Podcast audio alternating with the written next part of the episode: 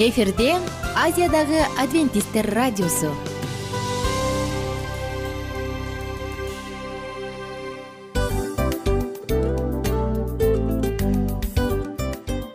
Достор салют. Баардык сүйүктүү угармандарыбызга салам айтабыз. Кутман күнүңүздөр менен.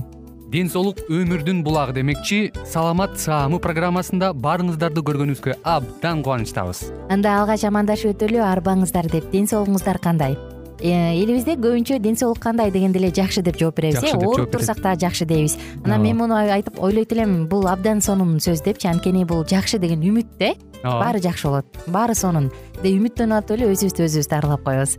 Анысы кандай? Сиздин дагы ден соолугуңуз жакшы беш деген үмүттөбүз чындыгында ден соолук бул өмүрдүн булагы деп бекеринен айтылган эмес деп ойлойм. Кыргыз элинде анткени эгерде ден соолук жок болсо анда адамдын жашоосунда калган баардык керектүү маңыздуу нерселер өзүнүн баалуулугун жоготуп коет. Ошондуктан ден соолук бул эң керектүү нерсе. Ооба туура айтасың кесиптешим. Чынында ден соолугуң жок бир эки үч күн ооруп калсаң эле э кандай болуп калат? Жашоодо көз каранды болуп каласың көп нерсеге жетишпей каласың көп нерсени кыла албай каласың жада калса эчке дүкөнгө да чыга албай каласың. Туптуура анан ден соолук болсо демек биз биздин бактыбыз тоодой деп койсок болот. Анда достор саламат саамы рубрикабызды баштайлы. Алдыда өзүңүзгө керектүү болгон сонун кеңештерди уга аласыздар. Мына ошондуктан биз менен бирге болуңуздар. Ал эми биз болсо милан жана айнура.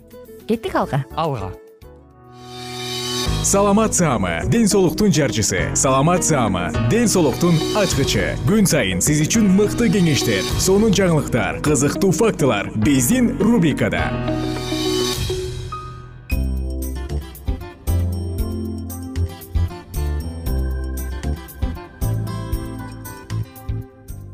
күнүңүздөр менен достор жалпы биздин сүйүктүү угармандарыбыз менен амандашып алып биз саатыбызды баштадык. Анда эмесе аты жөнүм айнура миназарова жана кайрадан саламат саамы рубрикасындабыз.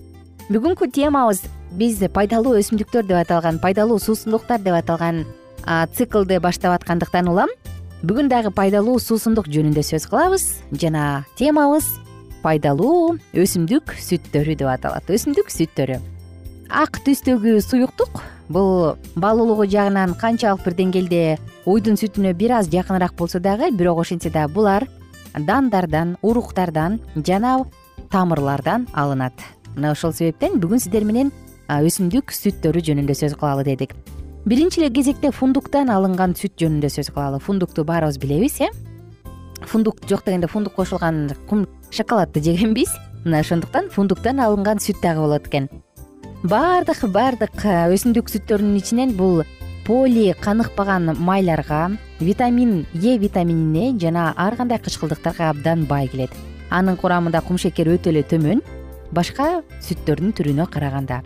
Жана адамда качан тамак сиңирүүдө көйгөй жаралганда диспепсияда жана диабетте дал ушул фундуктун сүтүн ичүү сунушталат мындай өсүмдүк сүтүн арчата деп дагы аташат бул испан тилдүү өлкөлөрдө көбүнчө арчата деп атап коюшат. Демек бул кандайдыр бир дандын негизинде жасалган суусундук дегенди түшүндүрөт.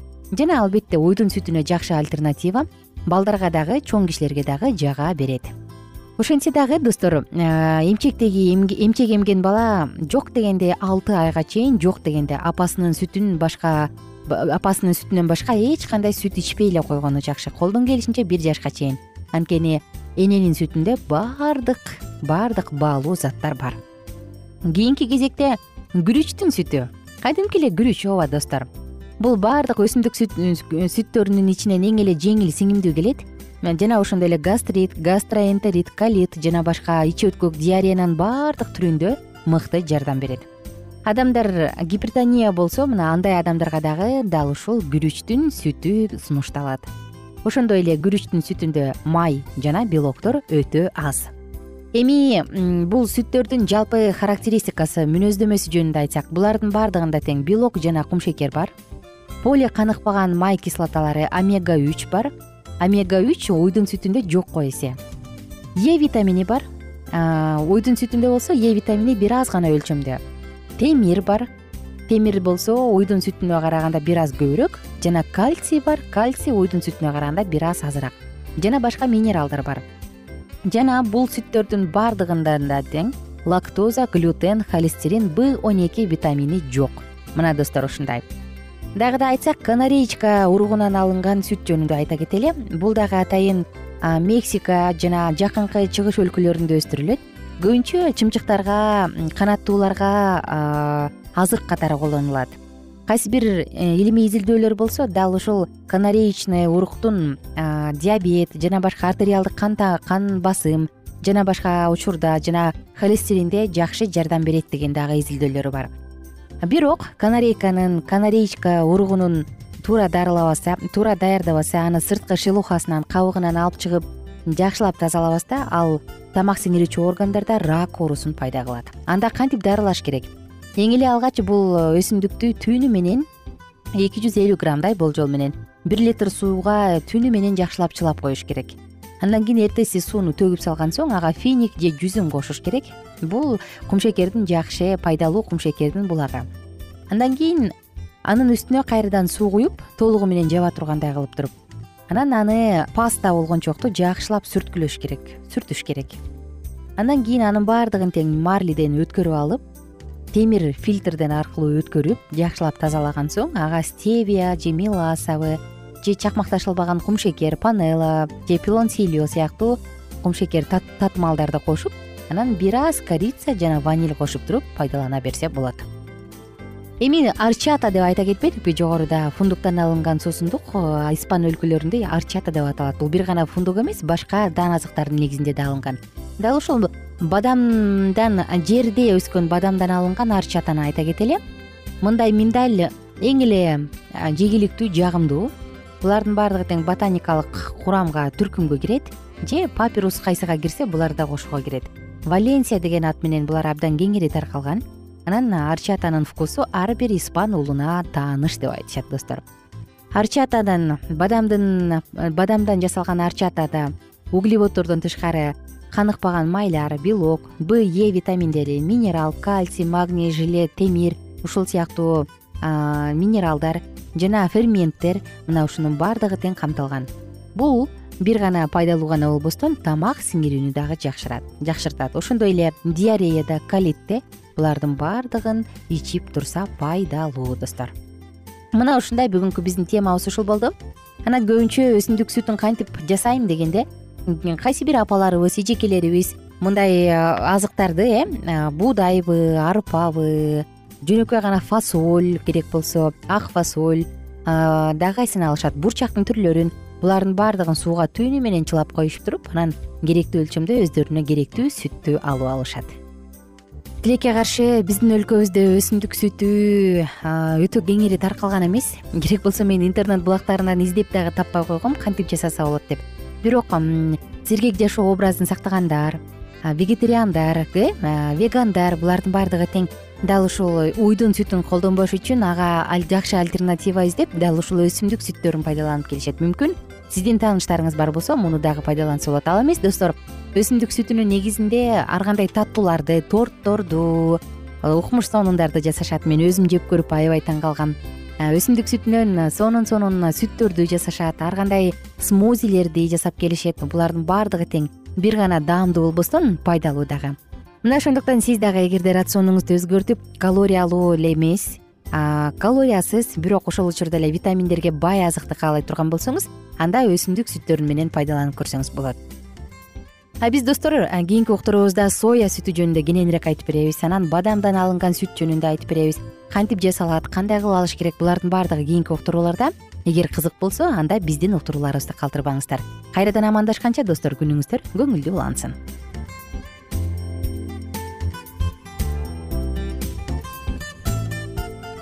кененирээк маалыматтар үчүн үч w чекит саламат чекит клуб сайтына келип таанышыңыздар. Жана андан тышкары социалдык тармактарда youtube facebook жана instagram баракчаларына катталыңыз. Саламат саама ден соолуктун жарчысы. Саламат саама ден соолуктун ачкычы. Күн сайын сиз үчүн мыкты кеңештер сонун жаңылыктар кызыктуу фактылар. Биздин рубрикада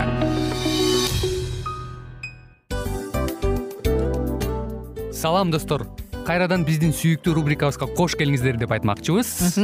Баардык замандаштарыбызга арбаңыздар деп саламыбызды айтабыз. Улуу ушундай бир урматтаган учурашуу менен анан дил маек радио баракчабызга чакырабыз. Негизи дил маек биздин рубрикабызда эмне жөнүндө кеп кылабыз бул дил маектин мааниси эмнеде рубрикабыз менен кичине тааныштырып кетсеңиз. Сөзсүз түрдө тааныштыра кетейин. Кесиптешим суранычы боюнча бул учурда бул радио баракчада биз ар тарап кесип ээлеринен сонун кеңештерди алабыз сүйлөшөбүз сырдашабыз. Аталарыбыздын эжелерибиздин апаларыбыздын кеңештерин угабыз айтор. Жан дүйнөгө адамдын э, сапатына адамдын деги эле адам болуп жашашына керектүү баардык кеңештер алдыда.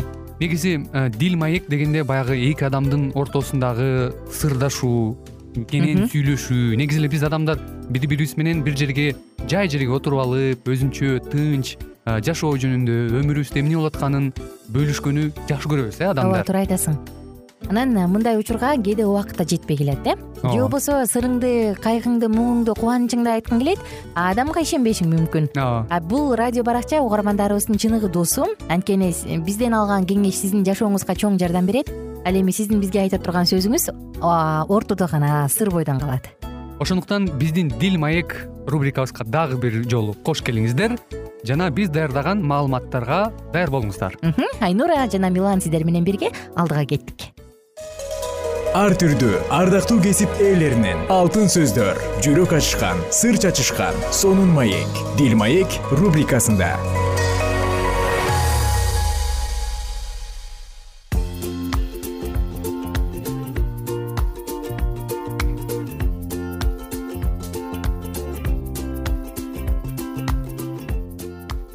кутман күнүңүздөр менен кадырлуу замандаштарыбыз жалпы биздин сүйүктүү угармандарыбызга салам. Жана дал ушул жыштыктан үн алышып дагы да болсо сонун маалыматтар менен бөлүшүүгө мүмкүнчүлүк бар экени бизге кубаныч тартуулайт бүгүнкү темабыз ата жана анын балдары. Достор бул бактылуу үй бүлө деп аталган циклды андан ары улантуудабыз. Мына бүгүн сиздер менен ата жана анын балдары тууралуу сөз кылалы деп турабыз. Бири бириңердин оордугуңарды алып жүргүлө жана ушундай кылуу менен кудай мыйзамын аткарасыңар дейт э? Галаттыктар жазылган кат алтынчы бап экинчи аятта. Ата жана анын балдары. Көпчүлүк аталар өз балдарын өзүнө тартуучу кырдаалдуу мүмкүнчүлүктөрдү колунан чыгарып жана алар менен тыкыз байланыш тургузууну колдошпойт. Аларга анткор жасалма чоң маанилүүлүктөн бошонуусу өзүндөгү кайра кайталана берүүчү жумуштагы кээ бир нерселерден жана арачылоодогу убакыттарынан баш тартуусу зарыл. Жана өз балдары менен биригип аларга кичинекей кайгыларына ортоктош болуп алардын жүрөктөрүн өзүнүн бекем сүйүү түйүнү менен байлап турганы чоң бакыт. Жумуштан кийинки убактыларын өз балдары менен өткөрүү ата үчүн абдан пайдалуу жана жагымдуу достор. Эми өз балдарынын досу жөнүндө сөз кылсак.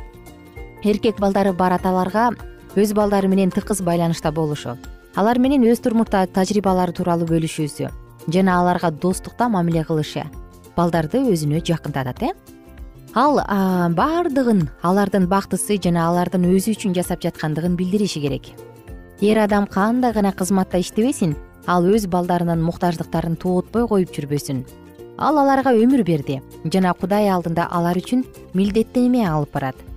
Ал өзүнүн тынчы жок балдарын толук бойдон энесинин көзөмөлүнө таштап койбосун энеге токтоолук көргөзүп жана туура мамиледе балдарын тарбиялоо өтө кыйынга турат. Мындай учурда ата өзүнө чоң жоопкерчилик алышы керек. Ата үй бүлөнүн башчысы катары балдары көпчүлүктүн пайда келтирүүчү мүчөлөрү болуп жана өз милдеттерин ишенимдүү аткарып жаткандыгын билиши керек. Бул анын башка иштерге караганда маанилүү кызматы наристенин алгачкы жылдарындагы мүнөздөрүнүн отурукташуусу көбүнчө энеге караштуу. Бирок эне балдарды тарбиялоо ишинде жолдошу менен чогуу иштөө чоң мааниге ээ экендигин ар дайым билиши керек. Ата ишке байланыштуу өмүрүндө жана ар кандай көнүгүүлөргө өз убакытын сиңирип койбосун. Анда анын өз балдарынын муктаждыгын жана мүнөзүнүн өзгөрүүсүн кароого убакыты болбой калат ал өз балдарын ар кандай жөндөмдүүлүккө жана кызыгууларга үйрөтүүгө мүмкүнчүлүк таап туруусу дагы өтө өтө зарыл. Аталар өз балдарыңар менен мүмкүн болгон убактыңарды өткөрүүгө аракеттенгиле эч качан силердин оозуңардан балдардын үмүтүн үздүрүүчү сөздөр сурулуп чыга көрбөсүн өз үйүңөргө караңгылык алып келе көрбөгүлө балдар менен ойлонбостон эле көңүлүнө кароочу эмес бирок боорукер жана сылык болгула. Мейли алар дагы башкалар сыяктуу эле өздөрүнүн кичинекей көңүл калууларын ала жүрүүнү үйрөнсүн. Аларды бири бирин ушактап келген учурларында кубаттап көңүлүн көтөрбөгүлө. Бирок аларды бири бирине чыдамдуулук менен мамиле кылып ишенүүсүн бекемдөөгө жана сыйлашууга үйрөткүлө. Сылыктыкты бекемдүүлүк менен айкалыштыргыла боорукердик жана ынталуулукту бекем чек коюу менен кармагыла. Өзүңөрдүн бир нече саат бош убактыңарды балдарга арнагыла аларды жакшы билүүгө аракеттенгиле алар менен бирге иш иштеп дене көнүгүүлөрүн жасап алардын силерге болгон ишеничине ээ болгула. Алар менен достошууга аракеттенгиле өзгөчө эркек балдар менен мына ушундай кылуу менен силер балдарыңарга пайдалуу таасир тийгизесиңер. Менин алдыма чыкпа мен сага жетпей жатам. Менин артымда калба мен сени алып жүрө албайм. Жөн гана менин досум болуп жанымда жүр ар дайым бул ата тууралуу айтылган кеп. Анысы кандай ардактуу угармандар чындыгында э ата кээ бир аталар бар э балдары менен ушундай бир сонун достук мамиледе болот. Балдары менен сырдашат балдары аларга ишенип өз көйгөйүн өздөрүнүн кубанычын өздөрүнүн кайгысын бөлүшө алат карап туруп жүрөгүң кубанат. А кээ бир ата энелер бар мен атамын дейт дагы кырс мүнөзүн көргөзүп тарс турс бир айтып коюп кабагын бүркөп анан мен ушундай кылуу менен аброюмду көтөрөм деп ойлойбу айтор балдарынан оолактап анда санда бир сүйлөп болгондо дагы кырс мүнөзүн көргөзүп турган. Кээ бир аталар бар үйгө келсе кара туман каптап калат. Кээ бир аталар бар үйгө келсе жарк этип тим эле күндүн нуру тийгендей. Чындыгында адам ата ата эне ата баланын эне кыздын досу болуш бул өтө эле кыйын. Мындай ишенимге кирүү баланын ишенимине ээ болуу. Ой бул кандай гана зор кубаныч достор. Бул чындыгында зор жетишкендик. Жана эгерде чын эле ата бала дос болсо эне кыз дос боло турган болсо анда алардын бул турмушта баскан ар бир жолу ар бир жетишкендиктери ар бир ар бир учуру чындыгында ийгилик менен коштолот. Жогоруда мурунку окторубузда да эсиңизде болсо айта кеткенбиз э ата кандай болушу керек жана кандай болбошу керек деп. Үлгүлүү ата боло турган болсоң анда ал чын эле бала менен достук мамилени кура билген достук мамилени барктай билген сактай билген ата болот дос дегенде эле баягы алжаңдап калжаңдап ойноп чукулашып эмес. Канчалык бир деңгээлде достук мамилени да кармаганды билет аталык дистанцияны дагы кармаганды билет аралыкты жана сый урматка дагы ээ. Мына ушундай аталар боло турган болсо анда сиз бактылуу адамсыз. Мен ушул ушул кичинекей теманы окуп атып өзүмдүн атамды да эстеп атам менин атам дагы бизге дос ар бир баласы менен дос болгонду билет. Анан менин эң жакын досум. Мына ошондуктан достор аталарга бар болуңуздар деп гана айтабыз. Сиздерге жаратуучу бул иште бул чоң жоопкерчиликте өзүнүн акылмандуулугун аябасын ата мээримдүүлүк көргөзгөндү билиши керек. Ата сүйгөндү билиши керек. Ата укканды акылман акылдуу кеңештерди айтканды билиши керек. Ал ии менин алсыздыгымды көрүп калбасын деп бир тамчы көз жашынан уялып же тескерисинче мындай моюн сунуп укканды билбей турган болсо анда балдар ага аларга ишенип өзүнүн сырын айта албайт э мына ошондуктан достор эмне демекчибиз? Ата өзүнүн милдетин аткаруучу болсо туура аткара билсе анда ал чыныгы мыкты адам. Аталар сиздердин милдетиңиздер үй бүлөнү толук камсыздоо? Аталар сиздердин милдетиңиздер үй бүлөгө башчы болуу? Кудайга кудайдан коркуп жашоо кандай экенин көргөзүү? Кудайды сүйүү кандай экенин көргөзүү? Бул сиздердин милдетиңиздер. А биз болсо бул уктуруунун аягында жалпы эркек деген чоң статусу бар адамдарыбызга угармандарыбызга кайрылат элек татыктуу болуңуздар деп сиздерге дал ушул чоң жоопкерчиликте жаратканыбыз жалгап жардамын берсин. А мен болсо сиздер менен коштошом жана кийинки уктуруудан кайрадан амандашабыз. Кийин дагы эненин милдети тууралуу сөз кылабыз. Аталар ойлобосун жалаң эле бизге тийише берет экен деп. Кийинкисинде энелер жөнүндө сөз кылабыз. Ошондуктан ага чейин кайрадан амандашканча күнүңүздөр көңүлдүү улансын ар түрдүү ардактуу кесип ээлеринен. Алтын сөздөр жүрөк ачышкан сыр чачышкан сонун маек. Дил маек рубрикасында.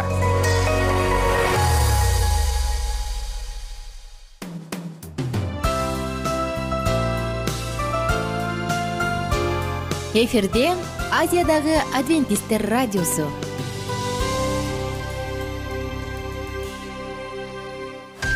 жан дүйнөңдү байыткан жүрөгүңдү азыктанткан жашооңо маңыз тартуулаган жан азык рубрикасы.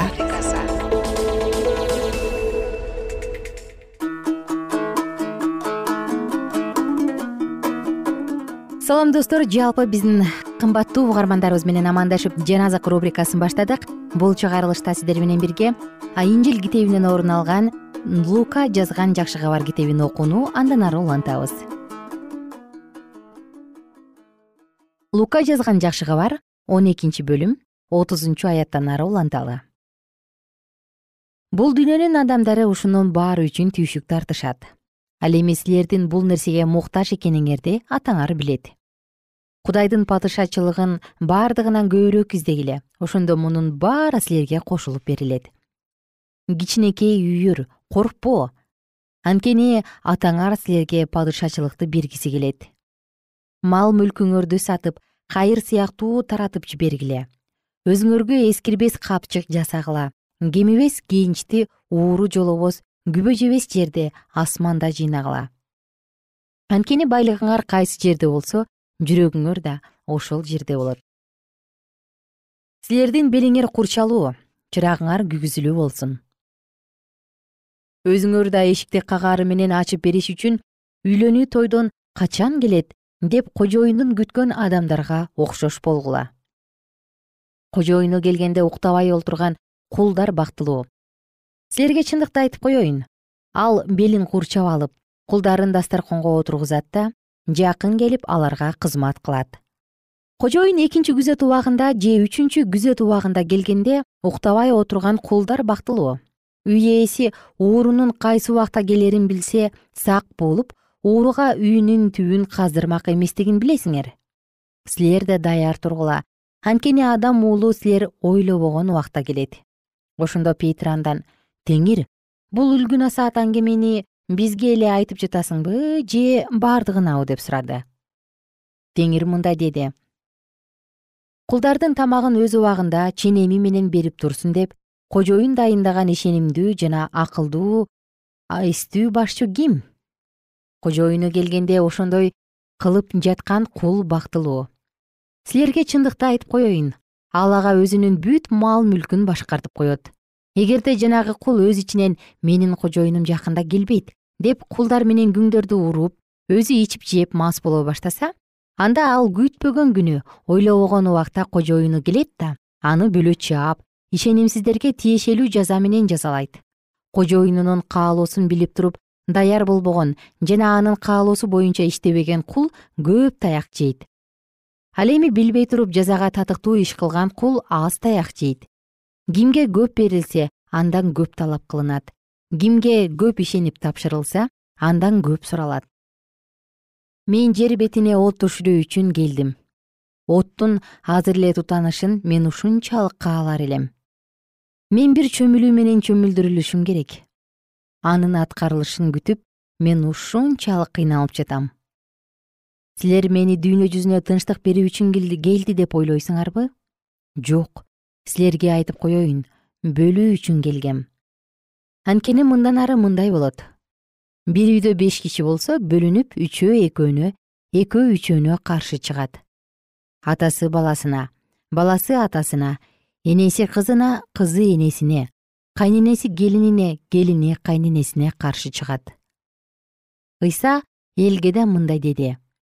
Силер батыштан булут көтөрүлгөнүн көргөнүңөрдө дароо жамгыр жаайт деп айтасыңар. Анан дал ошондой болот. Түштүктөн шамал соккондо күн ысык болот деп айтасыңар. Анан дал ошондой болот.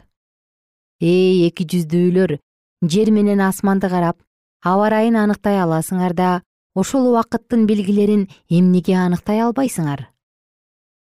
Эмне үчүн силер эмне туура экенин өзүңөр айырмалап биле албайсыңар? Сен каршылашың менен башчыга бара жатканда жолдо эле андан кутулууга аракет кыл. Болбосо каршылашың сени сотко алып барат сот күзөтчүгө тапшырат күзөтчү сени түрмөгө камап салат.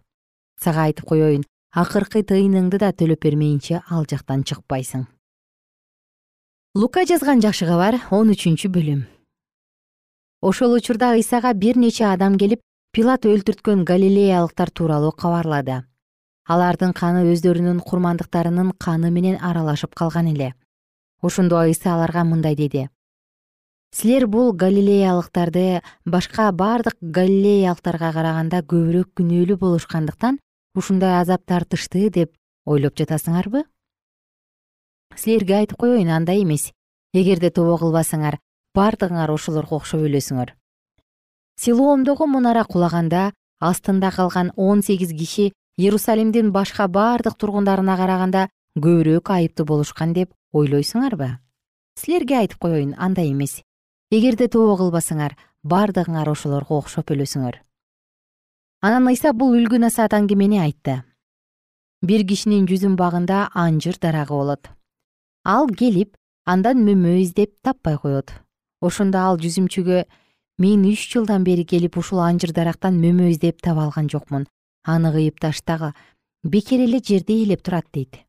Бирок жүзүмчү мындай деп жооп берет. Кожоюн быйылчы аны кое тур. Мен анын тегерегин казып кык төгөйүн. Мүмкүн ал кийинки жылы мөмө берер. Эгерде бербесе кыйдырып саласың ишемби күнү ыйса синагогалардын биринде элди окутуп жаткан. Ошол жерде он сегиз жылдан бери ичиндеги жиндин таасири менен ооруп жүргөн аял бар эле. Ал бүкүр болчу боюн түзөй алчу эмес. Ыйса аны көрүп жанына чакырып аял сен ооруңдан кутулдуң деди да колунан анын үстүнө койду. Ал ошол замат түзөлүп кудайды даңктай баштады. Синагога башчысы ыйсанын ишемби күнү аялды айыктырганына кыжырданып элге иш кылууга алты күн бар го айыгууга ишемби күнү эмес ошол күндөрү келгиле деди. Ошондо теңир ага мындай деп жооп берди. Эки жүздүүлөр ишемби күнү эч кимиңер акырга байланып турган өгүзүңөрдү же эшегиңерди чечип суугарууга жетелеп барбайсыңарбы? Шайтан он сегиз жылдан бери байлап жүргөн ыбрайымдын ушул кызын ишемби күнү байлоодон бошотууга болбойбу? Ыйса ушинтип айтканда ага каршы болгондордун баары уялып калышты. Бүт эл анын жасап жаткан бардык улуу иштерине кубанды.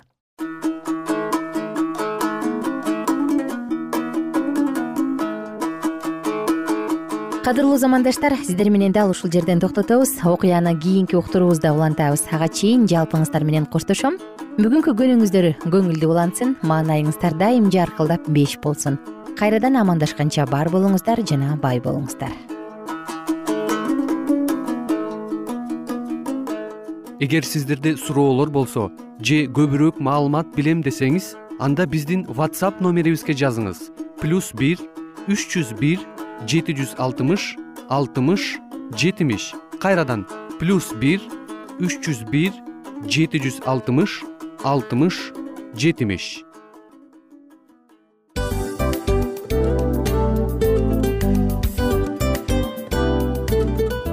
достор биздин радио баракчаларыбыз соңуна келди. Демек бул программабызды дагы жыйынтыктаочу келдик. Учурга келдик. Анан кесиптешимден сурагым келип турат. Негизи эле иштин башталып атканы кубандырабы сени же жыйынтыгы кубандырабы албетте жыйынтыгы. Себеп дегенде сен кылган ишиңдин жыйынтыгын көрүп э, баягы мөмөсүн көрүп дегендей жыргайсың жүрөгүң жемишинен тартып э кандай даамдуу деп. Баягы буудай сепкенде эмес буудай эгинди жыйнагандан кийин ысык нанды жегенде кадимкидей ырахаттанасың го ой айтпа туура айта кеттиңиз. Сонун салыштыруу болду. Анан мен дагы абдан кубанып турам анткени биз угармандарыбыз үчүн аябай эмгектенип келген уктуруубуздун соңуна келип калдык. Анан эми э, уктуруубуздун соңунда угармандар кандай пайда алып калды экен деп күтүп турам да. Балким э, менин жашоомо өзгөрүү киргизе турган сонун сөздөр болду мен ушул нерсени изилдеп анан кабыл албасам ушул нерсени кылбасам деген чечим чыгарсаңыз анда биз абдан кубанычтабыз. Сөзсүз түрдө. Андыктан кийинки биздин кызыктуу уктурууларыбыздан көрүшкөнчө сак саламатта калыңыздар. Чыдамсыздык менен сиздерди мен милан жана кесиптешим айнура күтөбүз. Баардык угармандарыбызга ийгиликтүү күн каалайбыз. Качан гана болбосун уртуңуздан жылмаюу кетпесин үйүңүздө көмүр жүрөгүңүздө көңүл болсун дейли